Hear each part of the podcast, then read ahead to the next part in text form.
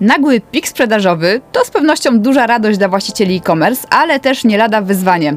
Jak sobie z tym radzić i w jaki sposób hosting może wspomóc naszą sprzedaż? O tym porozmawiam dzisiaj z Anetą Rutkowską z LHPL. Zapraszam.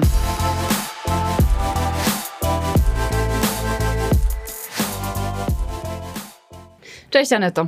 Cześć. Y, Wiem, że to nie twój pierwszy występ, bo na co dzień prowadzisz podcasty w LHPL, y, także bardzo się cieszę, że taka tutaj doświadczona zawodniczka y, mi się trafiła. Już zdaje się, że 40 podcastów, prawda? Pyknęło. 40 dokładnie webinarów, Webinarów. ale jak ktoś nie chce patrzeć, może też zrobić z tego podcast. E, I tak, trochę tego jest. Zaczęliśmy jakoś tak w 2020 roku i nie możemy skończyć. Okej, a poza webinarami czym się zajmujesz w LHPL?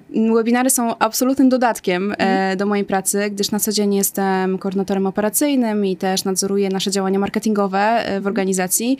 E, I moją rolą jest e, przede wszystkim sprawienie, że nasz wzrost organiczny, dość imponujący na przestrzeni ostatnich lat, bo na poziomie około 20% rok do roku, był do ogarnięcia zespołem, kompetencjami, które mamy na pokładzie, ale też dla naszych klientów nie był odczuwalny jako jakiś spadek jakości, czyli żebyśmy dalej byli w stanie świadczyć takie usługi, po które nasi klienci do nas przyszli. To jest moje główne zadanie. Mhm. A są to usługi hostingowe. Powiedz mi w temacie hostingu, dużo się zmienia pod kątem technologicznym. Jakie największe wyzwania widzicie w tym zakresie, szczególnie dla bezpieczeństwa? Mhm.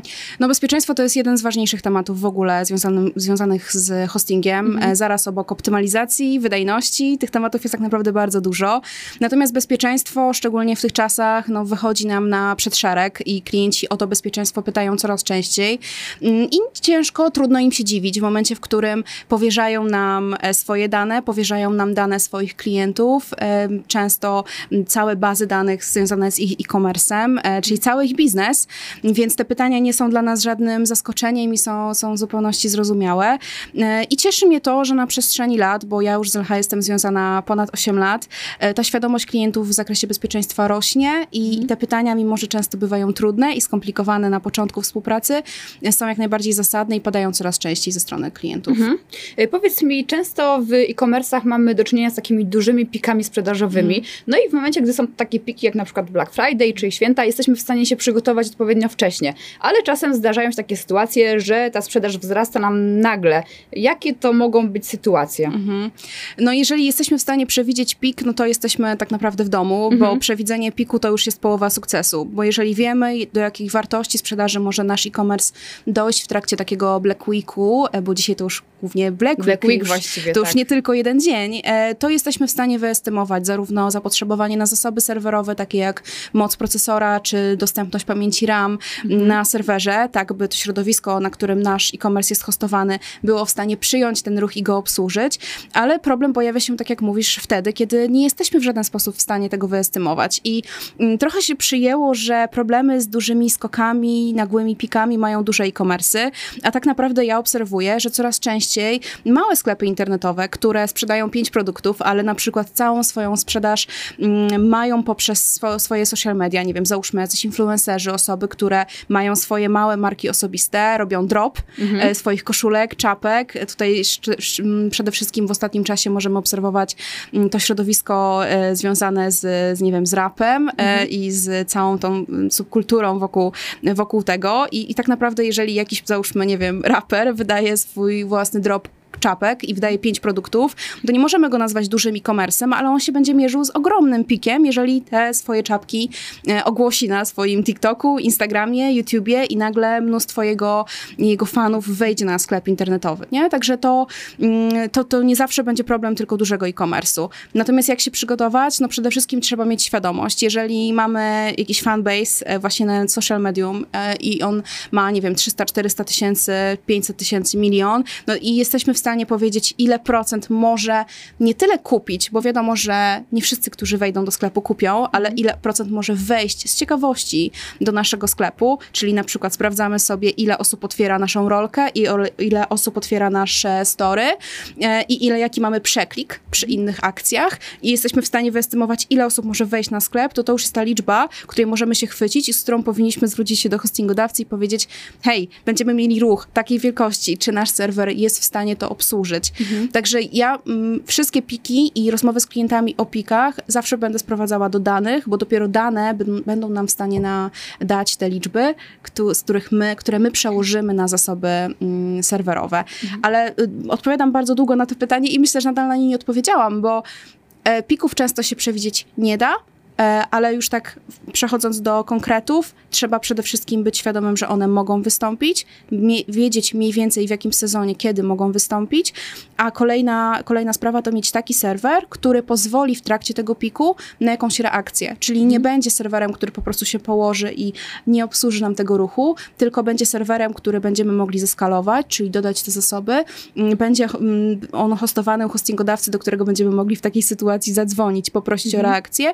i to są te wszystkie rzeczy, myślę, że jeszcze chwilę, y, za chwilę o tym więcej powiemy, które mogą wpłynąć na sukces takiej sprzedaży w piku. Mhm. No dobrze, a powiedz mi, jak to wygląda w takim razie w przypadku, gdy wam zdarzy się taka sytuacja? Co robicie wtedy? Jeżeli my mamy, gdy my mamy pik, mhm. E, wiesz co, no nasz biznes nie jest mocno sezonowy, y, nie sprzedajemy jeszcze żadnych, e, wiecie, czapek limitowanych, ani niczego takiego, żeby wygenerować taką sprzedaż tu i teraz. Może więc... bardziej wasi klienci. E, tak, ale mhm. nasi klienci zdecydowanie mierzą się. Mamy klientów z bardzo różnych branż. Mamy klientów, którzy właśnie generują swoją sprzedaż na Instagramie czy TikToku.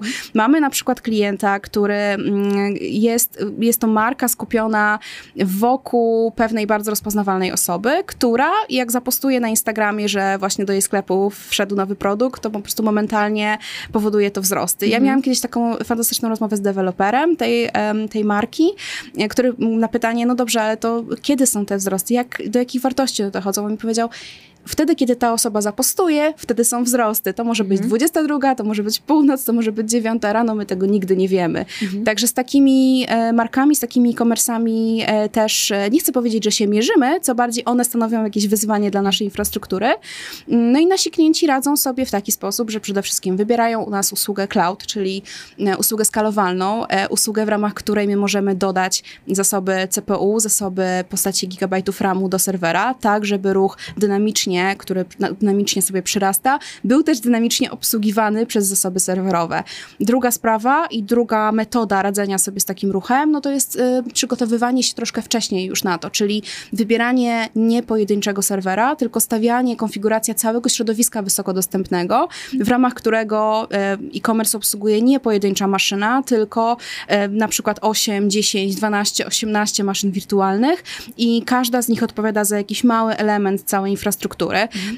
I takim, taką drogą do sukcesu, mm, kiedy mamy duży e-commerce i mamy nieprzewidywalny ruch, jest posiadanie pełnej redundancji. E, to jest takie trudne słowo, które mówi nam o tym, że każdy element infrastruktury serwerowej powinien być zastępowalny. Mhm. Od zarówno infrastruktury sieciowej, poprzez mm, już e, sam, same zasoby, czyli właśnie te procesory, RAM, dyski, ale też um, poprzez usługi, czyli uruchamiamy na przykład zamiast jednego serwera aplikacyjnego, uruchamiamy trzy, 4, 2 serwery aplikacyjne. Zamiast pojedynczej bazy danych uruchamiamy klaster bazodanowy.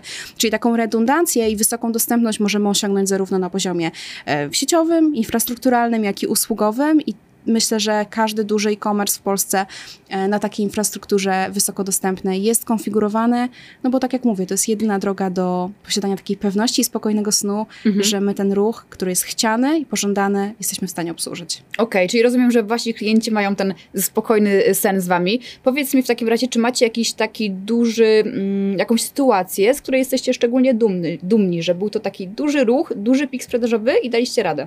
E, tak, no przytoczyłam już przykład e, tej e, influencerki, osoby, mm -hmm. która, która potrafi z Instagrama... Nie imienia. Której imienia nie zdradzamy, ale potrafi z Instagrama po prostu wygenerować bardzo duży ruch skokowy i mm -hmm. przeżyliśmy taki, taki skok w ogóle w pierwszych miesiącach naszej współpracy e, i zadziałało to w ten sposób, że deweloper no, nie był świadomy, więc też nie przygotował w żaden sposób tego środowiska po swojej mm -hmm. stronie, to znaczy nie uprzedził nas, nie zgłosił nam, że hej, wzmocnijcie serwery o dodatkowe zasoby, bo taka akcja będzie miała miejsce, więc e, serwer, e, no, zauważyliśmy, że zaczyna przyjmować bardzo duży ruch. Świetnie zadziałały nasze mechanizmy monitoringu, bo zaraz zaświeciło nam się wszystko na czerwono, że tam za chwilę może być potencjalnie jakiś problem. Mhm. My też konfigurując monitoring w tym środowisku ustawiliśmy go nie tylko na takie sytuacje, żeby wiedzieć o awarii, tylko żeby wiedzieć o sytuacji krytycznej, sytuacji, która wymyka się z, z tej optymalnej, czyli mhm. mieć te alerty dużo wcześniej, zanim dojdzie do przerwania działania. E, te alerty wybudziły naszego administratora.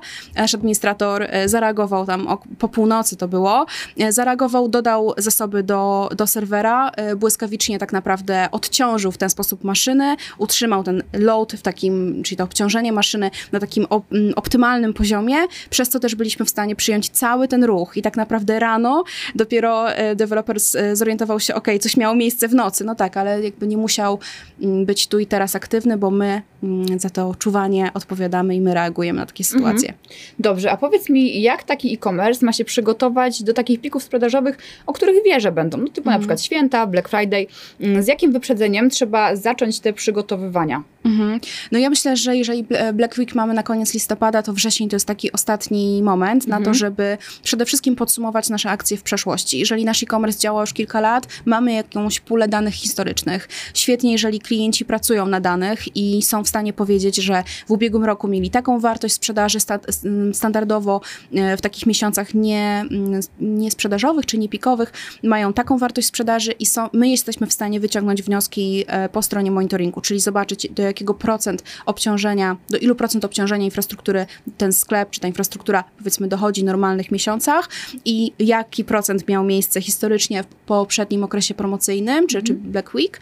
No i na podstawie tego zadajemy klientowi krytyczne pytanie, czyli czy spodziewacie się Państwo takiego ruchu jak w zeszłym roku, czy dodajemy do tego ileś procent. Mhm. Najczęściej klienci spodziewają się większego, bo też rozwój e-commerce na to wskazuje, że mają jest... nadzieję, że będzie większy. Tak i wszyscy mają nadzieję, my trzymamy za to kciuki, żeby tak było, e, więc my na podstawie tych danych, czyli znów sprowadzamy wszystko do liczb, staramy się wyestymować, jakie wzmocnienie będzie musiało mieć miejsce. Następnie umawiamy się z klientem na moment, w którym takie wzmocnienie ma miejsce na infrastrukturze, czyli taki dzień zero, w którym dodajemy e, te zasoby. Najczęściej jest to już dobę przed um, planowaną promocją, żeby mieć pewność, że wszystko jest dodane, wszystko działa. Następnie te zasoby po okresie promocyjnym możemy zdjąć z serwera, czyli powrócić infrastrukturę do zasobów i do stanu sprzed okresu promocyjnego, gdyż no, przepłacanie z dodatkowe zasoby też nie jest na rękę ani e, klientowi, ani nie jest naszym celem. Mhm. I to jest ten etap z odpowiednim wyprzedzeniem. A co możemy jeszcze zrobić na, przykład tydzień czy dzień przed taką wyprzedażą? Mhm. E, jeszcze dodałabym nawet nie na tydzień, tylko trochę wcześniej takie mhm. czeki infrastruktury od strony zarówno serwerowej, jak i aplikacyjnej. Mhm. Mm, wiadomo, dla sukcesu e-commerce potrzebna jest dobrze działająca aplikacja i dobrze działający serwer, więc jeżeli jest jakiś zespół deweloperów, którzy pracują nad sklepem, to przed y, okresem planowanej promocji powinni oni zweryfikować, czy ta aplikacja działa wystarczająco wydajnie, czy nie ma jakichś problemów po stronie samej aplikacji. I my także to robimy, czyli robimy check całej infrastruktury, sprawdzamy, czy nie ma wąskich gardeł, czy nie ma jakichś nieoptymalnych zapytań do bazy danych, jakichś ramożernych skryptów, które przy wzrastającym ruchu może, mo, może się okazać, że zaczynają nagle e, pożerać cały RAM z całego serwera. E, więc ta diagnoza, diagnostyka, przeglądanie logów to jest coś, co powinniśmy z wyprzedzeniem robić. Natomiast już na tydzień przed, no to mhm. trzeba się tylko upewnić, E, myślę, w kilku kwestiach, czyli e, czy zasoby, czy zwiększenie zasobów zostało zlecone, mm, czy jeżeli firma hostingowa tego oczekuje wcześniej, czy zostało opłacone, żeby nie było tutaj jakichś e, takich problemów natury finansowo-logistycznej.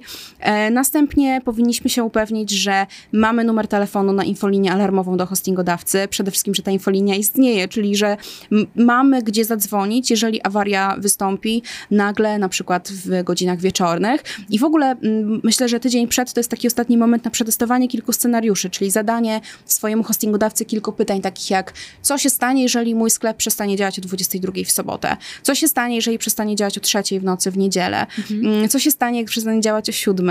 Albo co się stanie, jeżeli przestanie działać? Jak szybko zareagujecie? To są te pytania, które mm, oczywiście idealnie byłoby zadawać, kiedy wybieramy hostingodawcę, ale jak już jesteśmy tydzień przed, to to jest ten ostatni moment, w którym możemy się upewnić, mhm. że hostingodawca ma procedury, że my znamy te procedury i my wiemy, jak reagować, i on wie, jak reagować na to, żeby ten wspólny sukces udało się osiągnąć. Mhm. A czy na dobę przed jesteśmy w stanie jeszcze coś zrobić, czy tutaj już Trzymać zostawiamy kciuki. temat? Trzymać kciuki.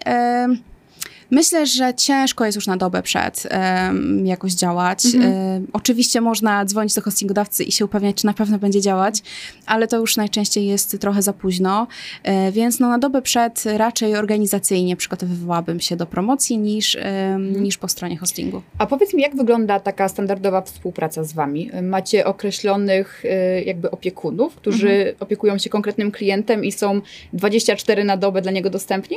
Jak przychodzi do nas klient, który ma e-commerce, bo o takich dzisiaj mhm. głównie rozmawiamy, a nie tylko takich obsługujemy. Natomiast jeżeli przychodzi klient ze sklepem, jest zainteresowany zakupieniem u nas usługi, no to my tak naprawdę musimy tę usługę uszyć na miarę pod tego klienta. Więc mhm. zadajemy na starcie szereg pytań.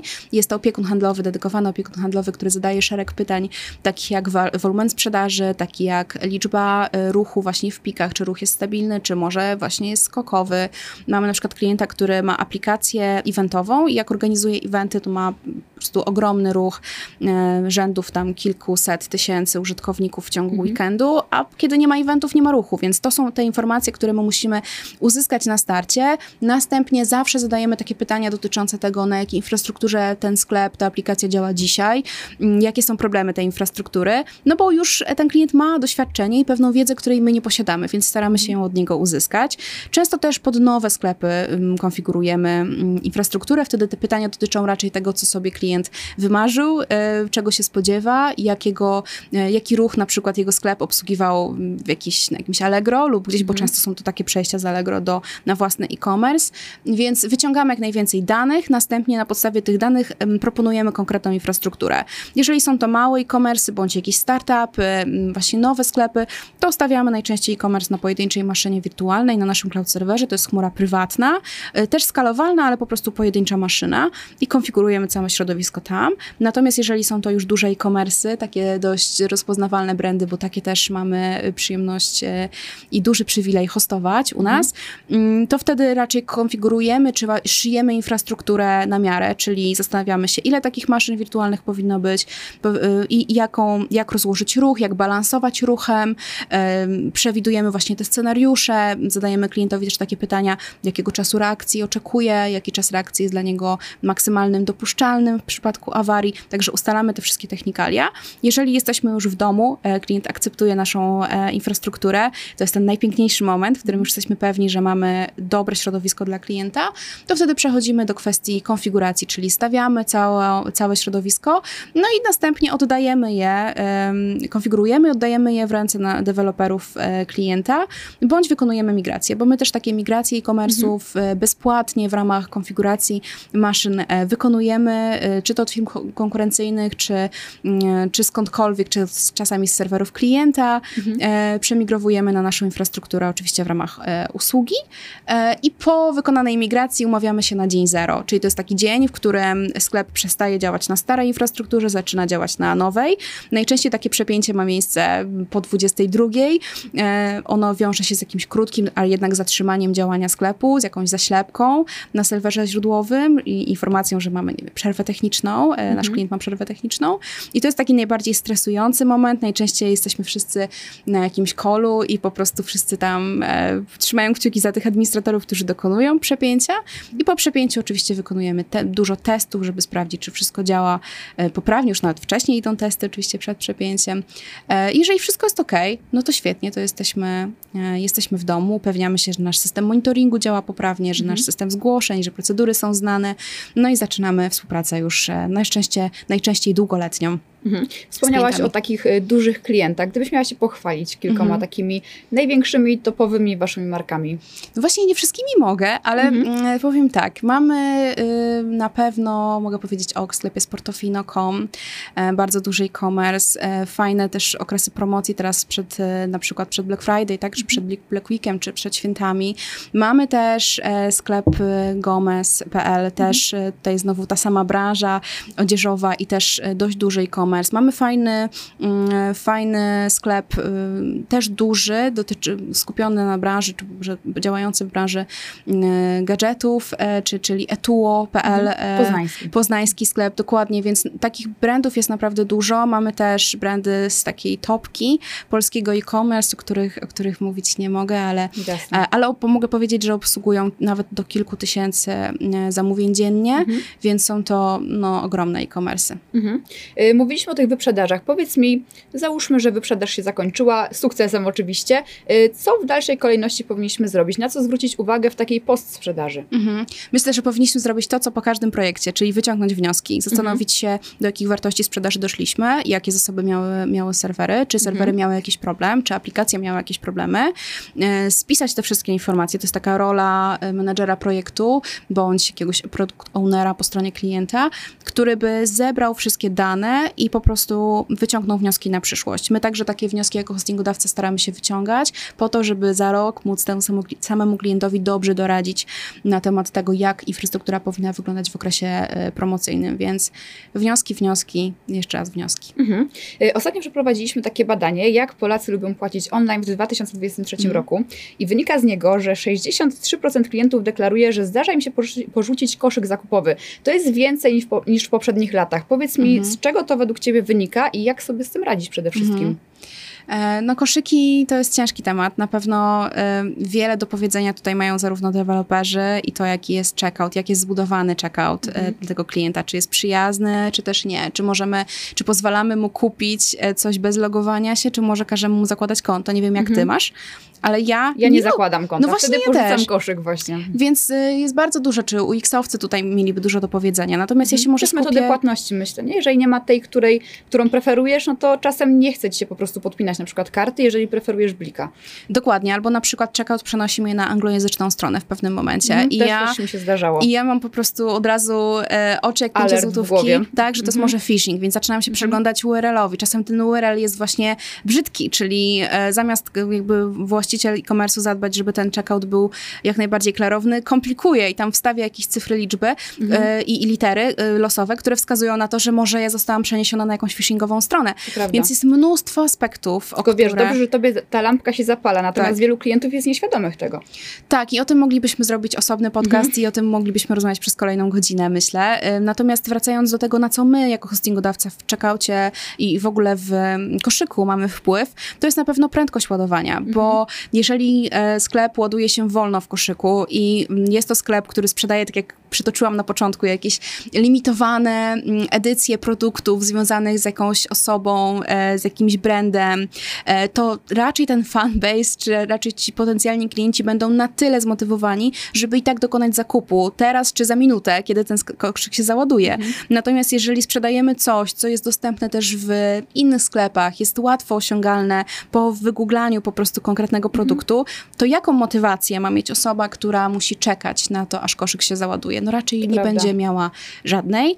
I myślę, że ty też wielokrotnie porzuciłaś koszyk, kiedy ładował i kolejna rzecz y, związana z tym ładowaniem to nie tylko y, czas ładowania dla użytkowników desktopowych, tylko czas ładowania dla użytkowników mobilnych, bo mhm. dzisiaj kupujemy głównie y, z użyciem, z telefonem w dłoni, ja mhm. przynajmniej... No właśnie, jak kupujesz częściej? Mm, ja kupuję, właśnie z, ostatnio złapałam się na tym, że już nawet w ogóle nie otwieram e, komputera, żeby mhm. coś zamówić, raczej wszystko zamawiam e, telefonicznie, no i teraz e, poprzez telefon i teraz znowu wchodzą, wchodzimy na kolejną warstwę, czyli jak ten koszyk wyświetla się na urządzeniach mobilnych, czy mhm. ten guzik e, do koszyka jest w ogóle klikalny, bo często nie jest ale też jaki jest czas ładowania i my jako hostingodawca mamy ogromny wpływ e, na to, jaki, jakie osiągi w kontekście czasu ładowania mają koszyki, dlatego, że o ile stronę główną sklepu, kategorie, produkty, e, nie wiem, dowolne nawet wyniki wyszukiwania możemy sobie zoptymalizować, a część widoków strony możemy po prostu przesunąć do, do cache'a i one będą ładowały się bardzo szybko, to koszyk jest taki, e, taki po prostu pozbawiony cache'u. On się nie będzie nam ładował z pamięci pamięci mm, podręcznej. On będzie musiał ładować się prosto z serwera, czyli to, jak szybki będzie procesor, jak szybkie będą dyski, jak, jak szybka będzie odpowiedź serwera, będzie wpływało na to, jak szybki będzie koszyk. Mhm. Więc jak mm, szczerze mówiąc, zanim przejmiemy czasami jakiegoś dużego klienta, czy w ogóle klienta, to sprawdzamy czas ładowania tego, e, tego koszyka i żeby później porównać, jak to wygląda przy, po migracji do, do LH. Mhm. I najczęściej się okazuje, że tam mamy na przykład dwukrotnie przyspieszony czas ładowania, okay. właśnie ze względu na mocniejszą infrastrukturę niż była na serwerze źródłowym. Mhm. Więc sukces koszyka to jest prędkość ładowania. Zdecydowanie każde badania dzisiaj e, prowadzone chociażby przez Google potwierdzą to. Mhm. E, powiedz mi, jakie jeszcze elementy sklepu można zoptymalizować, by na przykład właśnie w tym kryzysowym momencie mhm. wyprzedaży uniknąć jakichś fakapów, które mogą się zdarzyć? Mhm. Na pewno zoptymalizować czas ładowania e, całego, całej strony, mhm. zarówno strony głównej, jak i, jak i właśnie kategorii produktów. My na przykład do naszego monitoringu e, dodajemy taki parametr jak czas ładowania, mhm. po to, by monitorować sytuację, w której czas ładowania strony głównej kategorii produktu koszyka przekroczy jakiś konkretny limit. I my sobie ten wartość, e, po przekroczeniu której powinien być alarm, usta ustanawiamy z klientem, decydujemy o tym, jaka wartość jest dla niego akceptowalna, powyżej której już musimy podejmować jakieś działania, czy po stronie serwera, czy po stronie aplikacji kierujemy zapytania do, do e, deweloperów aplikacji. Więc e, na pewno, na pewno prędkość zdecydowanie tutaj mm, będzie miała duże znaczenie. Hmm. No i myślę, że tak, myślę, że... To jest chyba najistotniejsze. To jest najistotniejsze, prawda? tak, ale optymalizacja to też jest e, właśnie kaszowanie strony głównej, kaszowanie tego, co się da skaszować, bo mhm. wiadomo, że e, obiekty ładowane z pamięci podręcznej po prostu będą ładowały się szybciej. Jeżeli coś ładuje się szybciej, e, mniej obciąża bazę danych, mniej obciąża sam serwer. Jeżeli jest serwer mniej obciążony, baza danych jest mniej obciążona, to przyjmie większy ruch i to wszystko jest tak naprawdę ze sobą powiązane, ale myślę też w kontekście takiej, może nie optymalizacji, co takiego radzenia sobie w ogóle z dużym mhm. ruchem, e, load balancing, czyli po prostu balansowanie tym, co przychodzi do serwera, czyli zadbanie, żeby nie tylko jeden serwer był odpowiedzialny za przyjęcie na siebie całego ruchu, tylko mhm. żeby ten ruch rozkładał się pomiędzy więcej maszyn, po to, by to suma zasobów tych maszyn odpowiadała za to, czy ten ruch przyjmiemy, czy też nie. Mhm. A powiedz mi, poza oczywiście korzystaniem z waszego hostingu, czy możesz polecić jakieś narzędzia, które mogą pomóc usprawnić e-commerce? Hmm, usprawnić e-commerce. Na pewno narzędzia, wszystkie narzędzia badawcze, które będą e, sprawdzały nam prędkość ładowania, mhm. bardzo fajnymi narzędziami, które mm, może nie usprawniając, dają informacje, gdzie mhm. i co usprawnić, bo mam wrażenie, że jak już wiemy, co jest do poprawienia, to już jesteśmy w domu, bo jesteśmy w stanie zaadresować konkretne sprawy do konkretnych osób, mhm. Ale ja się spotykam z czymś takim, że raczej klienci nie wiedzą, gdzie leży problem, potrzebują diagnozy, mhm. więc wszelkie narzędzia diagnostyczne, tak jak monitoring po stronie serwera, my akurat korzystamy z Zabixa, czy monitoring po stronie aplikacji, nie wiem, na przykład New Relic, e, czy też e, logi serwerowe, jak najwięcej tak naprawdę logów, bo to jest im więcej logów, tym więcej informacji e, możemy wyciągnąć z tego, mm, z takiego mm, stanu i kondycji działania całego tego naszego sklepu. No i wszystkie narzędzia do pomiaru prędkości ładowania, ale też fajnym narzędziem, jeżeli ktoś na przykład nas słucha, kto obawia się, że jego serwer jest wolny bądź niedostatecznie wydajny do swojego e-commerce'u, to bardzo fajnym narzędziem, mm, metodą sprawdzenia jest zrobienie benchmarku PHP. Takie benchmarki są dostępne mm, po prostu w formie open source. Jeżeli wpiszemy sobie w Google benchmark PHP, to dostaniemy jakiś benchmark script, który po prostu możemy odpalać, odpalić, y, kolokwialnie mówiąc, na naszym serwerze mhm. i on nam y, poda informacje na temat tego, ile operacji ten serwer był w stanie wykonać w jakiejś danej jednostce czasu. Jeżeli mamy dwa serwery, y, dwa serwery do porównania, wystarczy, że odpalimy ten benchmark na obu serwerach i już mamy na tacy tak naprawdę jasną informację, który serwer radzi sobie szybciej z przetwarzaniem tych samych operacji. A jeżeli on sobie poradził szybciej z przetwarzaniem operacji, to znaczy, że poradzi sobie szybciej z przyjęciem ruchu, z przyjęciem dużej liczby zamówień i w ogóle z obsłużeniem całego tego e, e-commerce'u. Więc mhm. Mm, dużo takich narzędzi diagnostycznych podrzuciłam. E, no, myślę, że mogą być przydatne. Mhm. I tak na zakończenie, powiedz mi, jaką rolę w tym procesie komunikacji z hostingiem mhm. E, odgrywa e-commerce manager? po stronie sklepu. To jest bardzo fajna rola. Y, widzę, że coraz więcej e-commerce managerów y, pojawia mi się, przynajmniej na LinkedInie, zaczynam mhm. zauważać ich coraz więcej. Y, ja bardzo lubię projekty, gdzie jest e-commerce manager po stronie klienta, dlatego że e-commerce manager to jest taka osoba, która powinna rozumieć nie tylko biznes, no bo klient zawsze będzie rozumiał stronę biznesową i będzie znał doskonale swoje biznesowe KPI. -e.